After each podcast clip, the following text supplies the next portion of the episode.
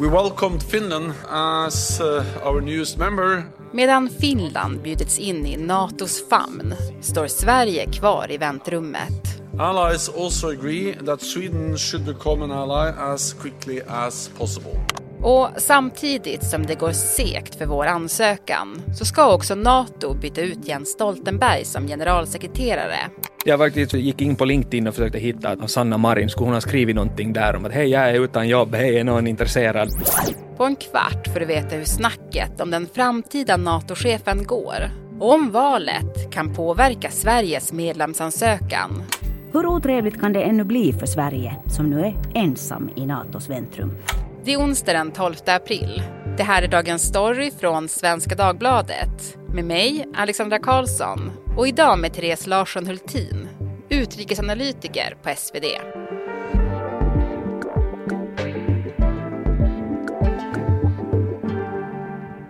Du Therese, Jens Stoltenbergs förordnande som generalsekreterare för NATO går ju ut snart. Mm. Är du sugen på jobbet? oh, herregud. Nej, eh, det är jag verkligen inte och jag skulle verkligen inte komma på fråga heller. Det här är ju en post som har blivit otroligt mycket tyngre. Alltså det har alltid varit en tung post, men det här har blivit väldigt uppmärksammad post senaste året under då Ukraina-kriget och det är ju någonting som folk kommer att slåss om. Det är viktigt att ha med sig också att eh, traditionellt sett, det här är en oskriven regel, eh, så är det en europe som brukar vara generalsekreterare och en amerikan som är då sakör som är den högsta militära ledaren inom Nato. Eh, och det brukar vara då en före detta försvarsminister, utrikesminister eller statsminister. Eh, och jag skulle nästan gissa på att det är på statsminister nivå vi rör oss den här gången. Mm, spännande. Vi ska ju gå igenom några specifika namn, men jag tänkte först bara, alltså vad krävs av en generalsekreterare för Nato? Alltså man är ju dels ordförande för, för, för NAC, den här kommittén då de högsta besluten tas och, och alla de stora liksom, kommittéerna som finns.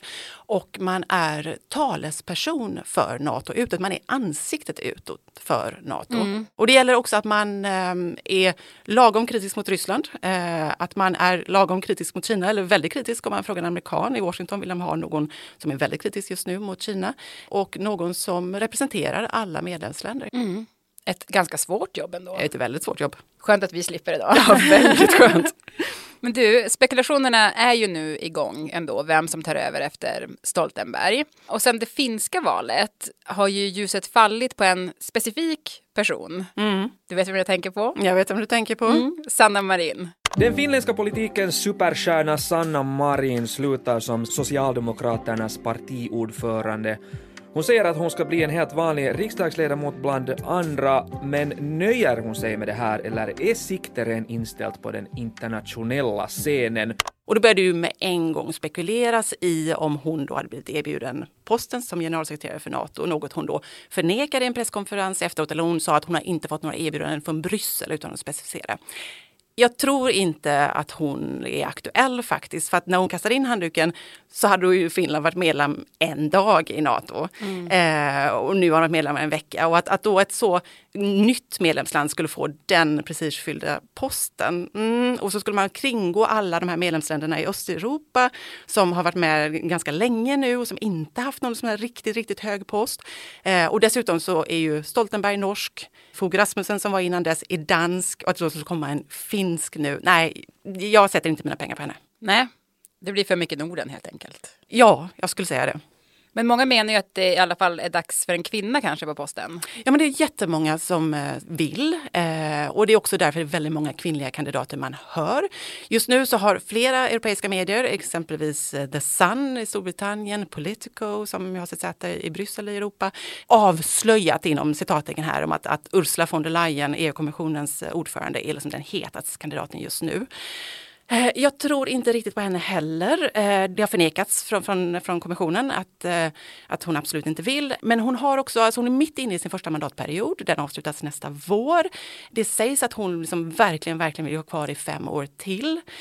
Man ska komma ihåg att Nato visst är en jätteprestigefylld post, men mm, ordförande för kommissionen är lite mäktigare ändå.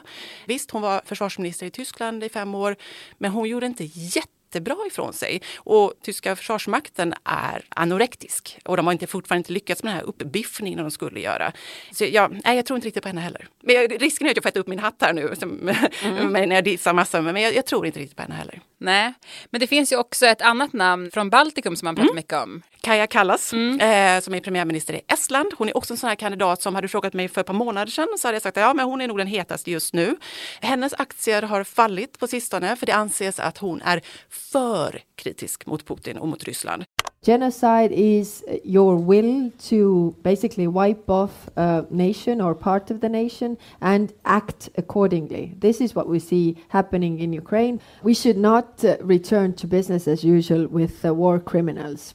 Hon säger vad man, många säger skulle säga är sanningar, men hon kanske är lite för odiplomatisk för att alla länder i Nato skulle vilja att hon representerar dem. Sen har det också varit en skandal som just Politico då avslöjade där Estland har, de har ju gett jättemycket vapen till Ukraina, men där de har krävt pengar tillbaka från en fond inom EU där de har fått ersättning för vad det kostar att köpa nya vapen och så har de gett gamla sovjetiska vapen. Inte olagligt, men kanske inte helt lämpligt. Ehm, så att det gör också att hennes aktie har fallit lite grann. Men du Therese, det finns ju fler kandidater till rollen som Natos generalsekreterare, eller hur? Ja, men det, det är en lång lista. Storbritanniens försvarsminister Ben Wallace som tidigt gick till ut och sa att jo, men det är ju en förträfflig uppgift, vilket tolkades då som att han var intresserad. Kan absolut bli han, inte omöjligt. Eh, möjligen så har inte han lyckats genomföra de här försvarsanslagsökningarna, eh, att det kan ligga honom i fatet som han vill ha. Mark Rutte som är Nederländernas eh, premiärminister som har regerat där i hundra år, eller åtminstone sedan 2010, eh, som ständigt nämns i den här typen av konversationer. Han säger att han inte är intresserad, han vill inte flytta, han ska lägga av med politiken efter den här mandatperioden. Men det kan nog ändras, det kan vara ett politiker nej. Mm, möjligt, inte omöjligt. Pedro Sánchez, premiärminister i Spanien. Också en sån här kandidat som det skulle kunna bli. Det som talar emot honom är att eh, i Sydeuropa så är, ligger Ryssland lite långt bort. Eller hotet är inte lika stort där. Så det kan tala emot en sydeuropé just nu. Klaus Ioannis är en annan sån här, det är Rumäniens president. Eh, men då ska man komma ihåg att vice generalsekreteraren är också en rumän, så att det talar emot honom. Det är många som nämns, ingen som är självklar. Det är, ja, det är ett svårt läge alltså. Men du, vem blir det då? Jag vet inte. Det kan ju också bli så att Jens Stoltenberg väljer att förlänga sitt mandat. Det, det är många NATO-länder som gärna skulle vilja att han fortsätter åtminstone fram till april nästa år när NATO firar sitt 75-årsjubileum. Själv har han sagt att det vill han inte. Han vill hem eh, till Oslo. Eh, det sa han till mig i Sälen när jag intervjuade honom på Folk och Försvar. Eh, det är möjligt att han kan ändra sig, som att det är ett politikernej och att han ändå kan tänka sig stanna kvar ett tag till. Det som talar emot det är att när han förlängde sitt mandat förra året, för han skulle ju egentligen ha avgått i höstas, eh, så kommunicerades det i slutet av mars. Så att då kanske det redan har skett om han har varit beredd att att förlänga. Men man vet aldrig. Nej. Men det jag tänkte till sist kring den här nya NATO-chefen, vem det då blir. Alltså, vi har ju sett hur Sveriges ansökan har blockerats att gå med i NATO. Det är många länder och många viljor i NATO. Brukar det bli politisk strid även om generalsekreteraren? You bet. Nej, men Det här är ju en process som förs bakom lyckta dörrar. Men samtliga medlemsländer nu då, 31 i och med Finland, ska ju vara överens. Men till exempelvis 2009 så i sista stund så blockerade håll i dig, Turkiet. Anders Fogh Rasmussen, eh, danska före detta eh, statsministern, för att man ansåg att han var för kritisk mot eh, islam. Det här var ju då efter eh, Mohammed-karikatyrerna. Det löste man ut. Han gick och firade efter Ramadan och liksom delade liksom en, en ceremoni där man bröt fastan och uttalade sig positivt om islam och om Turkiet. Och sen så fick eh, turkarna en hög post i Nato. Så det går ju att lösa den här typen av problem. Men, men ja, det är mycket pusslande bakom kulisserna och mycket, liksom, många viljor. Stackars Sverige vrids allt hårdare fast i skruvbänken av Turkiet och Ungern påhejade av Ryssland. I förra veckan fick ju Finland grönt ljus för sin NATO-ansökan och nu är de ju medlem. Och vi står då ensam kvar utanför. Och just Jens Stoltenberg har ju varit väldigt angelägen om att Sverige ska få gå med. Och att han nu ska lämna, kan det påverka vår ansökan? Det kan det ju absolut, det beror på hur lång tid det tar. Alltså förhoppningen är ju fortfarande att Sverige ska kunna bli medlem till toppmötet i Vilnius i juli. Och då sitter ju Stoltenberg kvar. Det är för övrigt då man hoppas kunna kommunicera senast vem som blir ny generalsekreterare. Men skulle det här dra ut på tiden och det hinner komma en ny generalsekreterare så det är självklart att det spelar roll vem det är och var den personen kommer ifrån. Det är otroligt mycket viktigare för en norrman att Sverige är med än vad det är kanske från då, jag vet inte hur Sanchez ställer sig, men för mm. eventuellt en spanjor. Det kommer ju mycket närmare. Mm. Eh, och Stoltenberg har ju, om en i kulisserna, man har ju verkligen jobbat hårt för det här liksom, utan att, att peka på turkarna framför kamerorna. Han har varit väldigt diplomatisk. Men man vet ju inte. Vi vet vad vi har men inte vad vi får. Så det är klart att det kan påverka. Men samtidigt så är ju samtliga medlemsländer i Nato, förutom då Ungern och Turkiet, står ju bakom svenska medlemsansökan och har ratificerat och vill att vi ska gå med. Mm. Så att jag tror ju ändå att vem som än blir kommer att jobba för att Sverige går med. Om vi ska stanna där då kring Turkiet och Ungern som ju fortfarande är anledningen till att vi inte är med i Nato. Alltså hur låst är det där? Alltså just nu på kort sikt väldigt låst. Ingenting kommer hända innan det turkiska valet 14 maj. Det har jag väldigt svårt att se. Sen är ju frågan hur det faller ut och vad som, vad som händer där. Jag tror inte Ungern jag tror att de väntar in Turkiet, skulle jag gissa. Eh, för annars hade de lika gärna kunnat godkänna Sverige i samband med, med Finland här en veckan. Ungern och Turkiet ska man komma ihåg har väldigt starka band som har ökat de senaste åren. Där Erdogan och Orbán, alltså turkiska presidenten och ungerska premiärministern, ofta pratar med varandra. Man, det är mycket investeringar i varandras länder, man stöttar varandra och så vidare. Eh, jag var i Ungern i höstas och det var väldigt många jag pratade med från båda håll, både opposition och regeringstrogna som, som pekade på Turkiet partiet och att man har starka band. Och sen finns det också just i Ungern en, en irritation över Sverige där man tycker att vi liksom är moralens väktare, att vi pekar finger och sätter oss på höga hästar och att de ska lyssna på oss och lära sig att bli mer som vi, vilket tas emot med väldigt stor irritation i regeringstrogna kretsar i Ungern. Man tycker mm. att liksom, vi vill inte vara som ni, vi vill vara som vi är. Ni kan vara som ni är så är vi som vi är. Och det här är ju också någonting som lyfts upp de senaste veckorna mer officiellt från Ungern. Så mm. att ja, det, det, är ett spänt läge. Men det känns ju om man tittar på det utifrån som att ja, man har stört sig på Sverige länge och mm. de här höga hästarna som man anser att vi sitter på och nu har man då möjlighet att att ge tillbaka? Ja, ja men absolut. Alltså det, det, det finns ju en irritation eh, både i Turkiet och i Ungern. Eh, dels då koranbränningen i Turkiets fall som ju verkligen kom olyckligt eh, mitt i det här känsliga läget. Eh, men även då i Ungern att man gärna skulle vilja att Sverige i princip ber om ursäkt. Även Turkiets utrikesminister har kommit med, med hårda ord.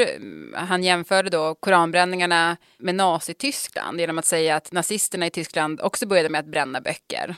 Ja, eh, och som ju inte alls landade väl här. Alltså det, det, det, skulle ju behövas en omstart och vi får hoppas att den här omstarten kommer efter det turkiska valet. Och sen så har ju Turkiet också börjat prata för första gången offentligt sedan någon månad tillbaka om att man vill ha F16-plan från USA. Innan har man ju beskrivits både från Washington och från turkisk sida att det är två olika processer. Men det har nu liksom eh, turkiska utrikesministern pratat om att ja, men F16 vore ju bra eh, liksom, om vi kunde få köpa. Så att eh, jag skulle inte bli förvånad om det, om det blir någon deal till slut där de får köpa de här stridsflygplanen från Ankara och att Sverige blir med. Men som sagt inte på den här sidan valet. Men, men man vet inte, det kan dra ut längre på tiden också beroende på vad som händer, vem som vinner. Mm. Ja men precis, för, för det man tänker på eller det man undrar är ju lite grann vad vill Ungern och Turkiet få ut av det här? Är det de här amerikanska planen då i Turkiets fall? Jag tror absolut att det, det var en jättestor del när det började. Sen har det blivit mycket värre med tidens gång. Och de här koranbränningarna, då, eh, danska Rasmus Paludan, har ju ställt till oerhört mycket. Nu känner man sig verkligen genuint förorättad. Vilket ju även då såg under till exempel eh, Mohammed-karikatyrerna i Danmark att Turkiet då blockerade Fur Rasmussen som jag var inne på innan. Det, det finns en känslighet eh, där man känner sig liksom, eh, ja, kränkt eh, från turkiskt håll. Det är en svår nöt att, att knäcka. Liksom. Vi har ju yttrandefrihet i Sverige de känns kränkta. Det gäller nog bara att, så här, att försöka sopa det under mattan på något sätt och gå vidare. Mm. Men du Therese, är det alltid så här svårt att bli medlem i Nato? Jag skulle säga att det här är en lätt process fortfarande. Alltså det har ju gått otroligt snabbt. Alltså I normala fall så, så är det ju en process som tar många, många år. Eh, men både Sverige och Finland är ju två länder som är eller var extremt redo att gå in i Nato. Nato har ju en open door policy som det kallas, eh, där man välkomnar länder in som uppfyller alla kriterier, demokrati och att man har ett försvar som fungerar och så vidare. Och, så vidare. och det gör ju vi eh, och Finland då.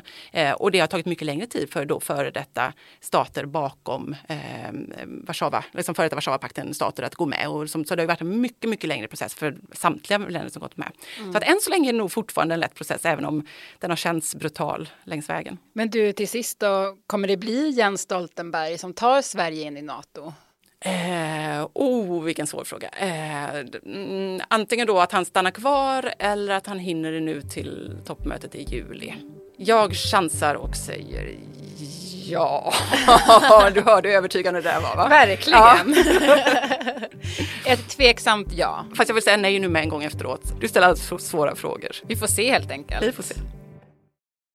Och programmet idag producerades av Stina Fischer, redaktör var Teresa Stenler von Matern och jag heter Alexandra Karlsson. Vill du kontakta oss så mejla till dagensstory.svd.se.